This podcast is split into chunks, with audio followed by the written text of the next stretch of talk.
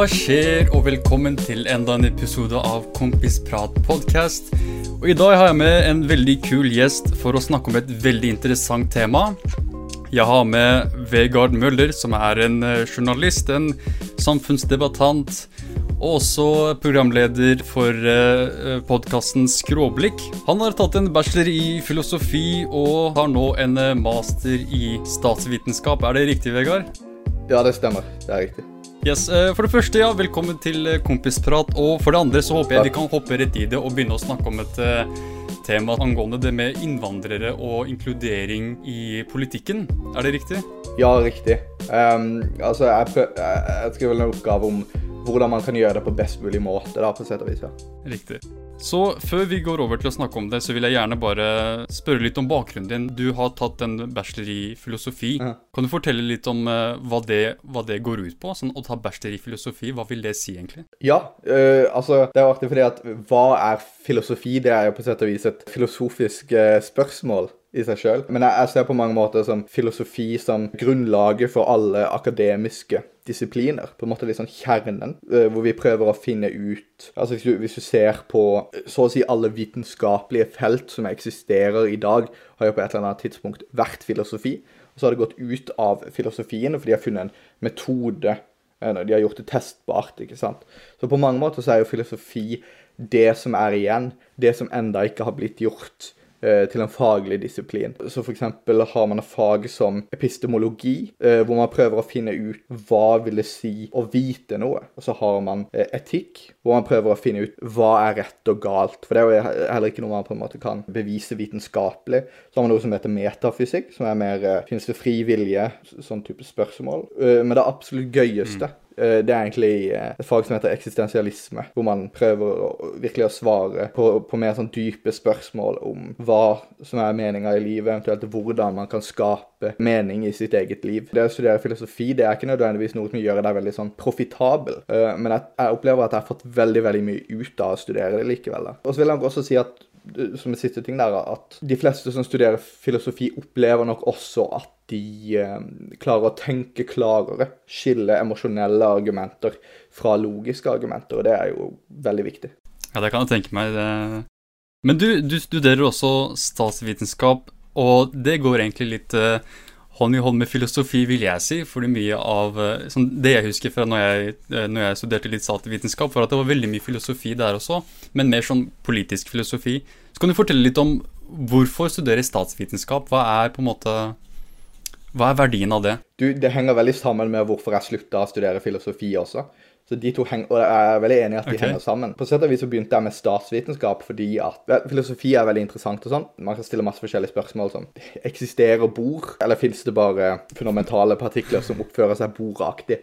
Mens, uh, så tenkte jeg på et eller annet tidspunkt Hva med å stille litt mer viktige spørsmål? Hva med å bruke filosofiske verktøy til hvordan man kan gjøre verden bedre? Og, og, det vil jeg si var mye av min motivasjon til å velge statsvitenskap. I tillegg selvfølgelig til at du finner ikke noen jobbsøknader etter filosofer. Det, det er liksom går mye på finn.no. Du trenger en eh, filosof her. ikke sant? Så, men, men ja, statsvitenskap er jo studier av eh, politikk eh, og hvordan staten fungerer. Mm. Det, det, er jo veldig viktig. da. Finne ut hvordan kan man bruke staten til å skape skape det samfunnet man, man, ønsker, da, på sett og vis. Mm. Og sånn litt, uh, litt uh, sånn morospørsmål her. Har du noen favorittfilosofer innenfor statsvitenskap når vi snakker om politisk filosofi? Er det noen som spesifikt som appellerer til deg? Ja, det er, det er nok to. Uh, først og fremst er det, vil jeg nok si, John Rawls baserer jeg meg på. Uh, han har bare sånn okay. grove trekk, så har jeg ideen hans Hvis du vil høre, hvis du vil, da. At jeg skal Jeg kan ta det på et minutt. Ja, sånn absolutt. Sånn, det er veldig interessant. Kortversjonen. Ja, John Rawls har basically laga en sånn teori for politisk filosofi som er så vanskelig å være uenig med, på en måte. Så han ser for deg eh, han ser for deg på en måte at du stikker bort fra jorda, du går til et annet sted på en måte, med masse andre mennesker, men du glemmer hva du heter.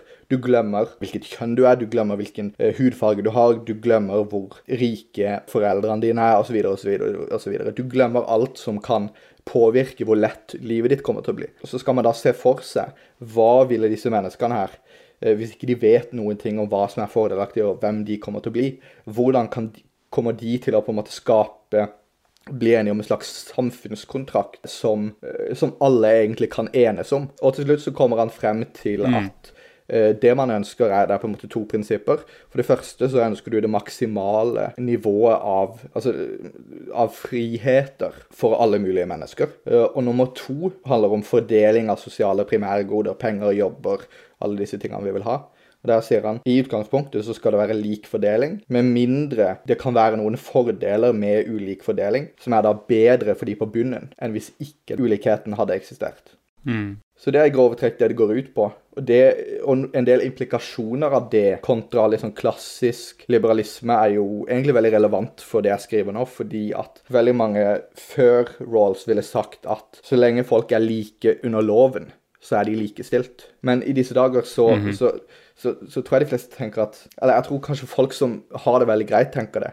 Men for eksempel, jeg leste en artikkel i dag om handikappa eh, damer som sitter i rullestol, som prater om hvordan Ja, kjipt at utestedene er stengt for dere nå, men de har vært stengt for meg for alltid. Og liksom, implikasjonen av det er at hvis, ikke, hvis, du, hvis det, du blir tilfeldigvis født funksjonshemma, eh, eller med en funksjonsnedsettelse De bytter hva som er riktig ord hele tida, så bare satser på at det er riktig. Trigger warning. Eh, altså, Ja da. Men så, så poenget er at for at handikappede f.eks. skal få like, like, genuin likestilling, så må, de, så må det finnes ekstra tiltak for å sikre at de får likestilling. Og det er jo, eh, det er jo sånn, et interessant perspektiv. Nummer to er Marx. Så kunne vi gått inn i det. Jaså? Så det er, det er, er, du, er du kommunist? Vil noen anklage deg for sånn Um, nei, altså Det finnes jo folk som anklager meg for å være kommunist, men jeg identifiserer meg selv ikke som kommunist. Jeg vil jo si at veldig mye av liksom, den sosialdemokratiske modellen, uh, veldig mye av dette ideene bak fagforeninger, er jo bygd nettopp på Marx sine ideer om at de som eier tingene, de som eier bedriften, de vil prøve å betale det så lite som mulig. Sånn er det bare i kapitalismen. Kapitalismen vil føre til ulikhet på sikt. Så det, det er bare en del sånne grunnprinsipper i Marx som er veldig interessant. Kanskje en siste ting er linken mellom sosioøkonomiske forhold. Og det er veldig interessant for hva vi prater om i dag, faktisk. Linken Ja. mellom sosioøkonomiske forhold og ideologi. Så for eksempel, fra et marxistisk perspektiv så er den beste forklaringa på f.eks. at noen blir en IS-kriger. Da vil den beste forklaringa på det, på, på det være utenforskap, isolasjon, ikke jobb, ikke penger. Eh, også selvfølgelig andre ting også, eh, men det er ting som må, til, til, som må ligge i bunn. Og hvis du går på den motsatte sida, du ser Absolutt. på nazister, eh, så tror jeg, kan du nok si, så tror nok jeg at nazister og IS-krigere er litt likere enn de liker å innrømme. Eh, man ser eh, Det man ser i gang på gang, er det at når finansielle kriser dukker opp, da blir folk, da, da, da, da blir folk mer høyreekstreme. Så etter 1929 så så vi det over hele Europa. Og etter 2008 så har vi sett det i Amerika og over Europa. Fremvekst av eh, folk som er redd for innvandrere, folk som er stressa. Så det, det er mye bra med Marx. Ja, absolutt. Nei, det er sånn, det, det er det som jeg, jeg syns er litt synd, er at når folk hører Marx, sånn som når jeg spurte om du var kommunist, det er fordi det er det folk som, som assosierer med Marx, er sånn Ok, du er kommunist, men det er så mye mer enn det. Men uh, som bare for å bruke det som en slags type unnskyldning til å gå over til å snakke om uh, podkasten Skråblikk eh, Først vil jeg bare spørre om eh, sånn, hvorfor du startet Skråblikk, hva, hva hensikten er, hva, hva slags temaer dere snakker om. Og så vil jeg også snakke om en av de nyligste episodene du hadde der. Ja, eh, på et eller annet tidspunkt så var jeg veldig kristen. Og så, i forbindelse med at jeg begynte å slutte litt å, å tro på det, så begynte jeg på en veldig sånn filosofisk prosess hvor jeg på mange måter gikk gjennom egentlig alt på nytt. Gikk gjennom alle mulige problemstillinger på nytt. Og på mange måter så trengte jeg et utløp. Eh, Og Skråblikk ble på mange måter det. Ville liksom bare stille spørsmål til ting man vanligvis ikke stiller spørsmål til. Du, altså, Det å ha et skråblikk, det kan du se på som eh, Hvis du ser for deg på en måte en, eh, eller en alien eller noen som, som kommer til jorda og utforsker jorda for første gang, men ikke er en del av samfunnet, og ikke på en måte har fastsatte bias og tendenser, så bør de kunne på en måte se en del ting som vi tar for gitt, som vi tenker er helt normalt, men som egentlig er sykt. Det bør de kunne se betydelig lettere. Så det jeg prøver å gjøre nå, i en, episode, en ny episode med Skråblikk, det er å ta et konsept som f.eks. Eh, galskap, transfobi, kapitalisme og et eller annet begrep, og så prøve på en måte dekonstruere det, plukke det fra hverandre, få folk til å tenke over det på, på nytt, på en måte som de ikke nødvendigvis har tenkt på det. Og så håper jeg at det kan føre til en endring som kan gjøre at de lever sitt liv bedre, eller at andres liv blir bedre i kraft av hva de lærer. Så jeg så en nylig video du la ut på YouTube-kanalen hvor du snakker med en person som jeg vil påstå er uh, mildt sagt en, en, en, rasist. Ja, mildt sagt. er, det, er, det, rettferdig å si det? Ja, mildt sagt. mildt sagt. For det første, når jeg hørte på, så vurderte jeg om jeg, jeg skulle anmelde deg for voldtekt, fordi det der var absolutt sånn han, ble, han, ble, pulverisert, og jeg skjønner ikke at han fortsatt har noe troverdighet i, i, gjengen sin i det hele tatt. At folk fortsatt hører på han. En, en tulling. Men um, en ting jeg merket i diskusjonen deres, er at uh, mange av de tingene han snakket om, mange av de tingene er ting som egentlig er det samme som en radikalist islamist vil si. Sånn, hvis du bytter når han snakker om nordmenn, hvis du bytter det med muslimer, og hvis du bytter asylsøkere med sekularister, så har du en radikal islamist. Så det er det eneste. Du trenger bare å bytte to ord, så er det egentlig de samme type argumenter. Eh, men det er også interessant det at du, at du gadd å ha på showet ditt en, en sånn, for å være liksom litt objektiv her, en høyreekstremist. Så hva, hva, tror du er verdien i det, det å på en måte snakke med folk som er såpass langt der ute, da? Jeg tror at i utgangspunktet så skal man ikke gjøre det. Man skal ha veldig god begrunnelse for å gjøre det. Uh -huh. uh, og det og, men hvis man skal gjøre det, så må man gjøre det riktig. Nå tenker jeg tilbake, okay. jeg vet ikke om du så når Fredrik Solvang hadde på Lars Thorsen fra Sian stopp islamiseringa av Norge. ikke sant? Fredrik Solvang -hmm. var på der, i hvert fall på Debatten på NRK. Og, og Fredrik Solvang ja. er jo fantastisk. Uh, men akkurat, uh, akkurat, i det ene segmentet så, så noen som er, De som er veldig høyreekstreme, de kan du egentlig ikke behandle som en hvilken som helst. Du kan ikke bare stille de spørre sånn Ja, hva mener du om det? Og så bare la de gå på en lang rant. Du kan ikke engang spørre de hvem de er mener jeg. Og for å bruke Lysglimt som et eksempel Nå er jo jeg gjesten her, så jeg trenger kanskje ikke å være så objektiv. Min mening er jo at han er en nazist. Men han prøver å skjule det. Fordi alle nazister som virkelig er nazister, de kan jo ikke kalles deg nazist. Det har de skjønt. De er ikke så dumme. Så de er nødt til å skjule det. Eh, så, så med tanke på så, så, de må du behandle på en helt annerledes måte. Du kan ikke behandle de som ærlige aktører. Eh, så, så jeg tenker at det er greit å plattforme nazister hvis du kan uh, knuse de fullstendig. Og gjerne hvis, du, hvis, de ikke, hvis de er veldig Hvis du kan expose de. Uh, men en sånn vanlig intervjustil med noen som er veldig høyreekstreme, det Jeg tror ikke det kan komme så veldig mye godt ut av det. Uh, nå, nå, nå, snakker vi jo folk som er far out. da. Ja, absolutt. Det, det, må være en type motstand. Du kan ikke bare på en måte la de si de tinga de sier fritt. F.eks. når han kom med alt, alt det tøvet han kom med. Hvis du hadde sagt hm, interessant, la oss gå videre. Ja. Det, hadde vært, det hadde vært forferdelig. Men at du på en måte argumenterte imot, da, som nei, nei, nei, nå tar du feil, her, her er noen tall. Uh, og forresten, det er en annen ting. Når folk på den høyreekstreme siden sier 'Hvor er beviset ditt? La meg se beviset ditt', og så presenterer du beviset og så går de bare videre uten å se på det, de tallene du kommer med, uten å liksom argumentere for hvorfor de tallene er feil. De, de ser ikke på det engang. Jeg tenker sånn, er, er, det vits å snakke med dem i det hele tatt da, og prøve å overbevise dem når de ikke gidder å bli motbevist, når de ikke vil bli motbevist, når de ikke vil lære? Det er et veldig godt spørsmål, og, og jeg, jeg mener at det er ikke noe vits å prøve å overbevise de og grunnen til at de eh, kan få et bevis, og så bare bytte de, det er jo det at de tror De tror de, altså, de tror ikke ting basert på bevis. De tror ting basert på følelser. De liker ikke andre folk. De liker ikke innvandrere. Mm. De liker ikke folk som ikke ser sånn ut som de. Og det ligger sterkt inni de. Så, så bevis kommer ikke til å funke. Ingenting kommer nesten egentlig til å jeg tror For å endre deres liv, så må du kanskje endre Så må de kanskje bli kjent med noen folk. No, med noen uh, innvandrere, eller hva enn det måtte være. Det er jo de de hater mest, da. Jøder. Uh, ikke sant? Men uh, du kan forandre meninga til de som ser på. Ja, det, det har jeg sett veldig mange eksempler på. er at Folk som er høyreekstreme, de kommer borti et intervju med en av deres helter, da, og så blir helten deres absolutt pulverisert. Og så tenker de ha, kanskje han ikke var så perfekt som jeg trodde han var. da. Og så er det på en måte med på å deradikalisere. Og det tenker jeg er en veldig god, eh, en god ting med å på en måte ha en dialog med folk som er helt eh, sånn, ja, langt uti der, da. Det har prøvd det. Så ja, men det er bra det at, du, at du gidder. Personlig har ikke jeg temperamentet til det. Det er veldig vanskelig å ikke bli sinna. Og det er jo det de vil. Ja. De vil jo bare at du skal bli sinna. Ja, ja. Og så da er publikummet ditt mm. sånn ah, blir han triggered nå? Hæ, jævla snowflake? Ikke sant? uh, og du kan bare ikke la de få den. Så du, du må, du må eh, hisse opp de, eh, for da Å bruke deres knep mot de. Ja, men det, det er akkurat det som på en måte Bare for å liksom uh, gi litt kompisprat-law her. Det er jo det som på en måte gjorde at jeg starta denne podkasten, var at hver gang jeg var i debattforumene deres, så ble jeg alltid uh, bandet. Ja. Sånne, selv på Facebook, 24 hour ban, fordi jeg brukte de samme teknikkene de brukte mot meg. Det var ikke noe personangrep, jeg bare var liksom veldig aggressiv i måten jeg argumenterte på. Og det likte de ikke, så de rapporterte meg hele tida. Så jeg tenkte fuck it, jeg må, jeg må starte noe, et plattform hvor ingen kan på en måte banne meg på den måten der.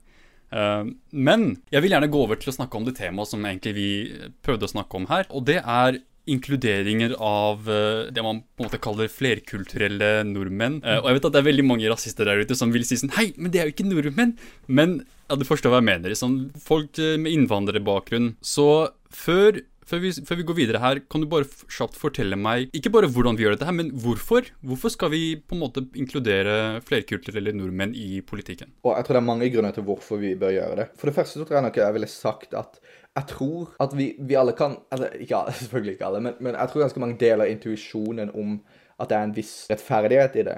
Bare sånn uavhengig av alt annet. Altså Man kan trekke en parallell til uh, En stund så var det kun menn i politikken, f.eks. Uh, og det var liksom helt normalt. På sett og vis er det som om det folk oppfatter det som helt normalt at alle på Stortinget er hvite. Og det er ganske rart, egentlig. Det er en del problemer med det. Mye av grunnen til å få en slags inklusjon, eh, det er for det første eh, så, så er det beviselig at det kan endre på en del holdninger. F.eks. folk som har litt sånn negative holdninger til eh, innvandrere, vil få bedre holdninger av å se de eh, representere eh, Norge på en god måte, eller styre på en god måte. Men for det andre så er det jo også dette med anerkjennelse. Behovet for anerkjennelse er det mange som prater om i, i liksom politisk teori nå, som handler om dette. at, Ja, ok, Så én ting er dette med, med, med like rettigheter. Men en annen ting, og dette her er veldig sånn fundamentalt for individer også, tror jeg, det er at det er veldig viktig for å ta deg som et individ, så er det viktig for deg, vil jeg tro, det er viktig for alle, tror jeg, det er viktig for deg at andre folk ser deg som du ser deg sjøl. Du, du har et bilde av deg sjøl og hvem du er. Og hvis andre folk ikke ser deg på den måten, så er det ganske ubehagelig. Det vil jo kanskje variere hva eh, folk tenker, men det, det undersøkelsene ser ut til, til å peke på, er at det er ganske ubehagelig å føle seg ekskludert, og føle at man er på utsida.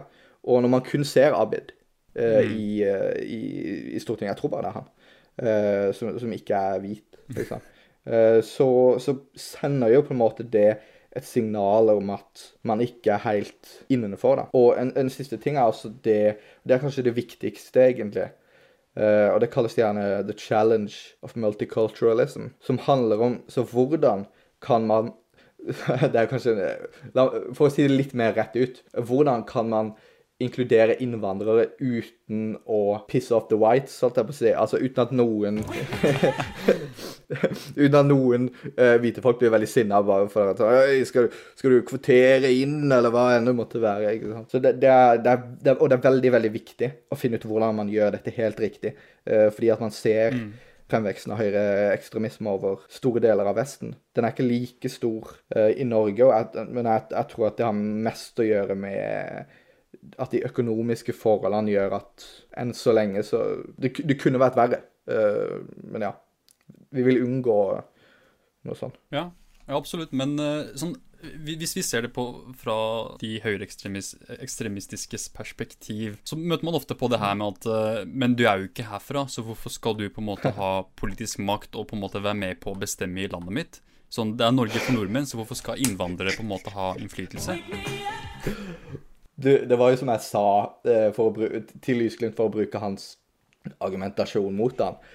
Norge for nordmenn, eh, men helt uavhengig av liksom, religion og hudfarge, utseende, og hva det måtte være. ikke sant? Altså, jeg jeg, jeg, jeg, syns det er en veldig fin ting at, eh, at, at vi prøver å bygge en slags sånn følelse at vi er nordmenn fordi vi bor her, liksom.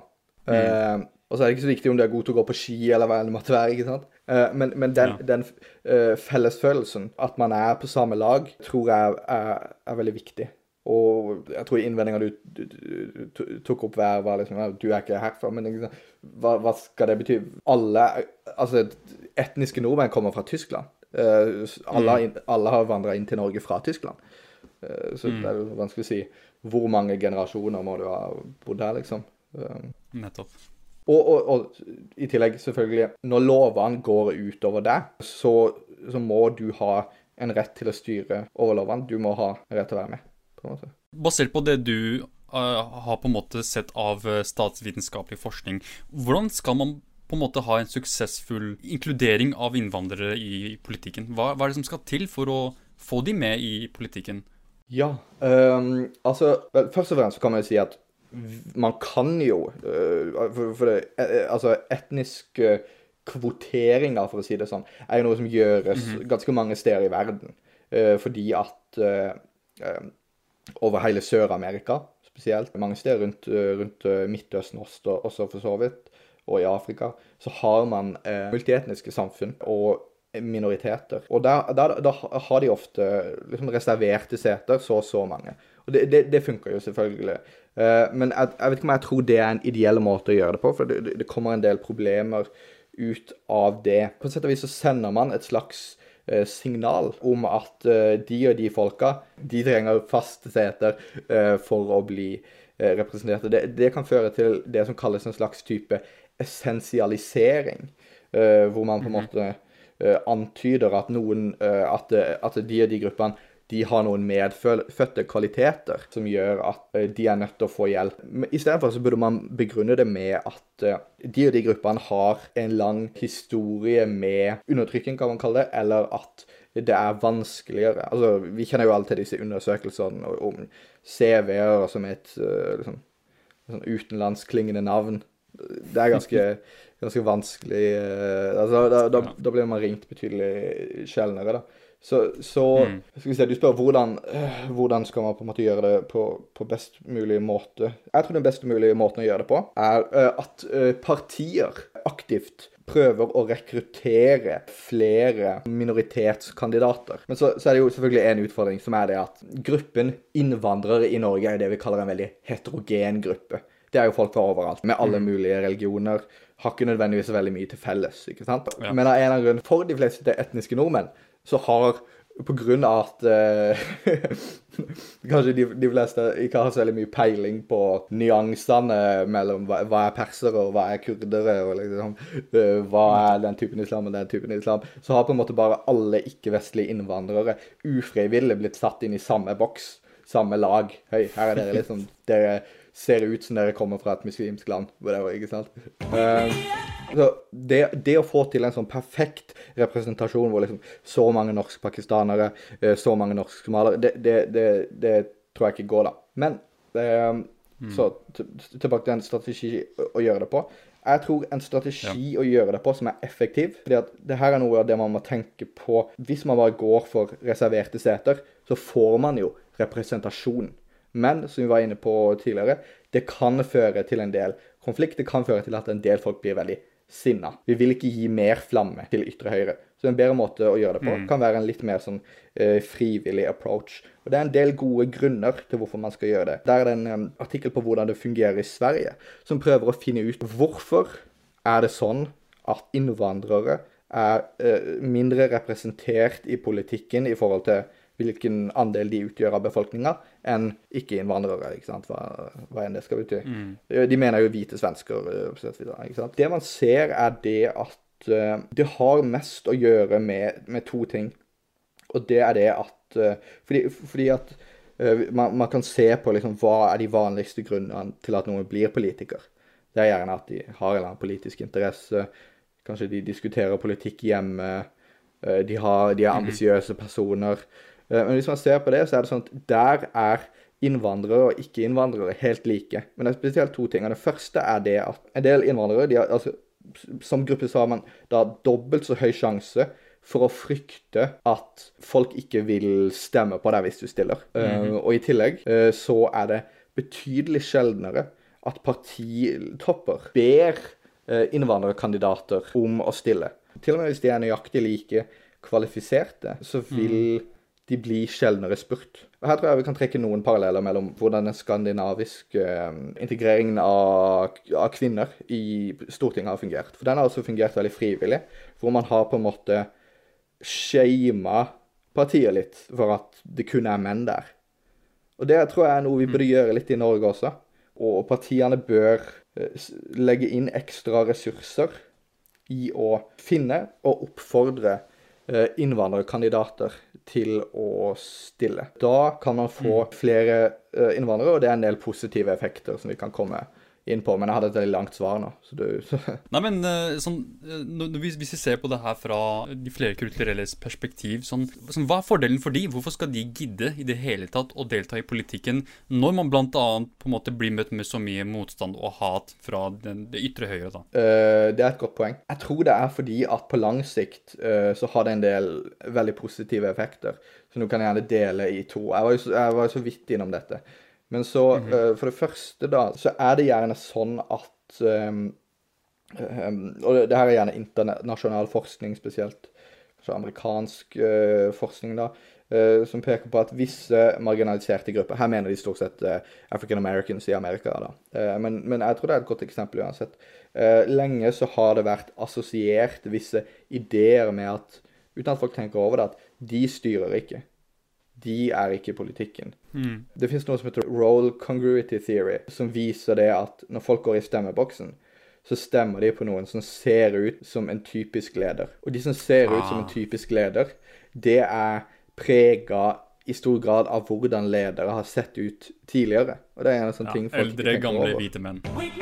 ja, nettopp. Ikke sant? ikke sant? Men det man kan se, da, er at idet det dukker stadig flere ikke-hvite menn eh, og ikke-hvite mm. kvinner eh, i politikken, så endres det seg. Da, da endres eh, oppfatninga av den typiske lederen.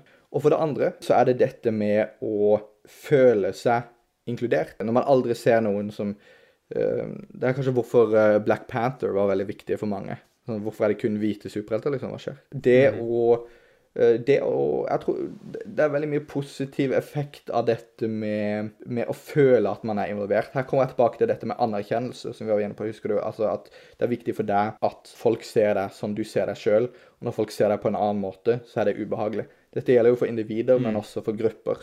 Og det å føle at man er mislikt, eller det å føle at man blir forhåndsdømt, eller hva enn det måtte være, det er, det er en mm. veldig ubehagelig følelse. Og det å faktisk bli anerkjent for den man er, akkurat den man er, eh, det er et fundamentalt psykologisk behov.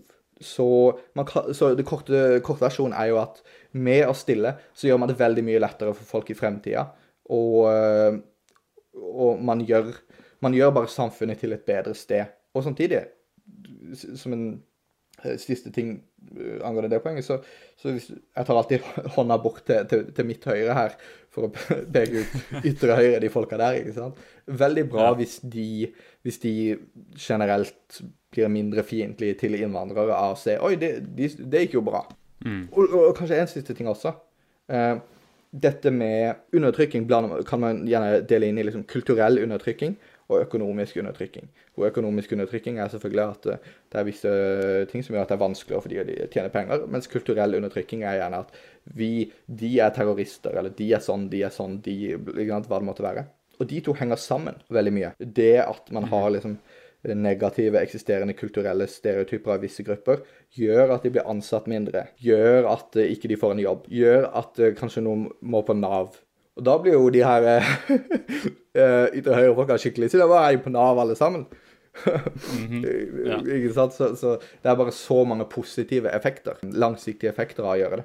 Absolutt. Men eh, på den andre siden, hvis jeg skulle, skulle liksom tenke på noen eh, negative effekter Det er kanskje noen ting som jeg har sett selv, og det er politikere som har flerkulturell bakgrunn og er aktive i politikken, men de er det vil si på feil side, da. De er f.eks. på Frp. Altså at man har flerkulturelle som er i politikken, men samtidig jobber med å fremme det samme fiendtlige synet på innvandrere. Så kan ikke det på en måte være et problem, da? At man har, man har inkludering, ja, men at det ikke nødvendigvis betyr eh, bedre resultater for eh, flerkulturelle situasjon i Norge. Så, hva, hva, tenker du om det? Ja, ja det, er, det, er, et veldig godt poeng, og det er et utbredt fenomen, det. Fordi at uh, det er jo gjerne sånn at uh, hvis man skal velge da innvandrerkandidater, da, for å si det sånn, så når de skal da velges av, uh, majoritets, av majoriteten, så, mm. så, så, er det jo god sjanse for at de blir valgt inn på majoritetens premisser. Og, og ja. dette er absolutt en, en, en stor utfordring.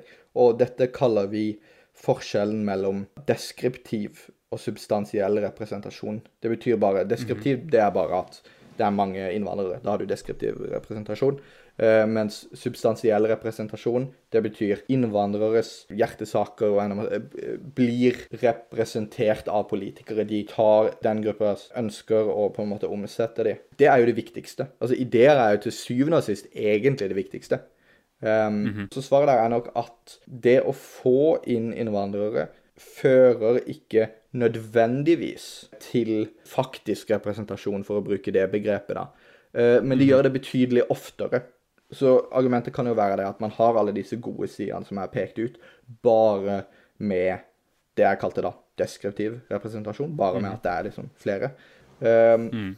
men, men, veldig ofte så ser man det ser, ser man liksom klart bevis på at det, altså, det finnes selvfølgelig unntak, uh, mm. men i grove trekk så har man gjerne det de kaller liksom shared experiences. Det å vokse opp i Norge og se litt annerledes ut, da vil man ha en erfaring av det. Blir spurt hele tida mm. hvor kommer du fra, hvor kommer du egentlig fra, bla, bla, bla. Masse sånne ting eh, som ikke jeg vil ha tilgang til.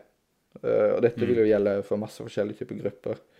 Uh, men ja, det, det, er sant at du, du får oss Det er alltid en fare for å få en slags sånn symbolsk representasjon. Med tanke på det mm. med Frp og innvandrerkandidater der, eh, så er det faktisk enda verre. Fordi de, de kommer unna med De kommer unna med ja. grovere ting. Eh, og de, ja, du kan ikke kalle de en rasist heller. Um, Altså, akkurat det er vanskelig å unngå. da. Jeg vil ikke at folk skal misforstå og tenke at det bare er på en måte eh, de innvandrerpolitikerne i Frp som på en måte fremmer politikk som til syvende og sist påvirker innvandrere negativt. Absolutt mm. ikke. det. Du, du finner det samme eksempelet i Arbeiderpartiet. Og det mm. nyligste som på en mm. måte beviser på det, er at Arbeiderpartiet stemte mot rusreformen ja. som på en måte ville ha gjort situasjonen til flerkulturell ungdom så mye bedre. For det er jo på en måte de som blir stort sett negativt påvirket av forbudspolitikken vi har i dag, som også har på en måte rasistiske eh, røtter fra USA. Den samme type reaksjon ser vi nå i, i, Norge, med tanke på at uh, en større andel av ungdommen i, i, Oslo som har flerkulturell bakgrunn, blir straffeforfulgt og trakassert av politiet, mm. mer så enn det man kaller ja, hvite, hvite nordmenn da, på, i, i vestkanten av Oslo. Igjen, der har du Arbeiderpartiet. De har massevis av flerkulturelle kandidater, og ja, noen av de på en måte var uh, supportere av uh, rusreformen, men til syvende og sist så var det Arbeiderpartiet som kverka rusreformen, som igjen også på en måte vil føre til en verre situasjon for innvandrere. Men apropos inkludering, sånn utenom det politiske, i hvilke andre type aspekter av samfunnet tenker du det, det, det kan på en måte forbedre situasjonen til både nordmenn og flere kulturelle ved å ha økt representasjon og inkludering? Uh, snakker du om inkludering nå utenfor politikken? Eller hvilke ja, utenfor politikken. Ja, sånn, ja. ja. Vel, altså, for det første, uh, hvis vi tenker i, på arbeidsmarkedet og sånne ting, da. Uh, hvis jeg forstår spørsmålet mm -hmm. ditt, ditt riktig, så vil jeg jo si at eh, det er jo egentlig bare rettferdig at når to folk er akkurat like kvalifiserte, så skal det være det eneste som har noe å si. Eh, men likevel så viser jo forskning at det er ikke helt sånn. Det er en veldig stor undersøkelse mm. som ganske mange har hørt om, hvor de tar 1800 CV-er, 900 med liksom et pakistansk navn, 900 med sånn typisk norsk navn som Vegard, mitt mm. navn. Veldig typisk norsk. uh, og så er CV-ene identiske. Så jeg kan ikke huske i hvor mange prosent av tilfellene at ingen blir ringt opp. Uh, men i mm. de tilfellene hvor uh, minst én av de blir ringt opp, så er det sånn at én av fire ganger så ringer de kun en hvite. Sånn 3 av ganger, tror jeg, så, så ringer de kun den innvandrerkandidaten, den med pakistanske navn. hvordan mm. man skal løse akkurat det, er veldig vanskelig i det private markedet, riktignok. I starten ja. så kan man ha litt sånn kvoter og sånne ting. Mens denne sånn der er bare tendensen til å diskriminere blant arbeidsgivere, den Det er vanskelig å finne ut hva man skal gjøre med politikk for å rette på den. Og Det var faktisk noe av det jeg skrev i bacheloroppgaven min, så ja, jeg har tydeligvis blitt bare veldig interessert i akkurat dette, dette, dette emnet. da. Uh, men det er et par forslag man kan komme til. Eksempel så kan man foreslå at, uh, at alle, stillingsutlys, altså alle stillingsutlysninger må offentliggjøres. For i dag så rekrutteres Ah. veldig mange folk via nettverk, og det kommer Mm. eh, innvandrere veldig dårlig til gode. Det finnes en stor undersøkelse Absolutt. av eh, folk som har eh, tatt sånn hovedfag. Det er jo det de hadde før. Før det var liksom bachelor og master i Norge, så hadde vi cand. Som var fire år, altså hovedfag som var to år ekstra, altså seks års utdanning. Og det er kjempestore forskjeller der på, eh, på lønninger og, og sånne ting. Og mye av det eh, skyldes sosiale nettverk. Um, Så det er en ting man kunne gjort.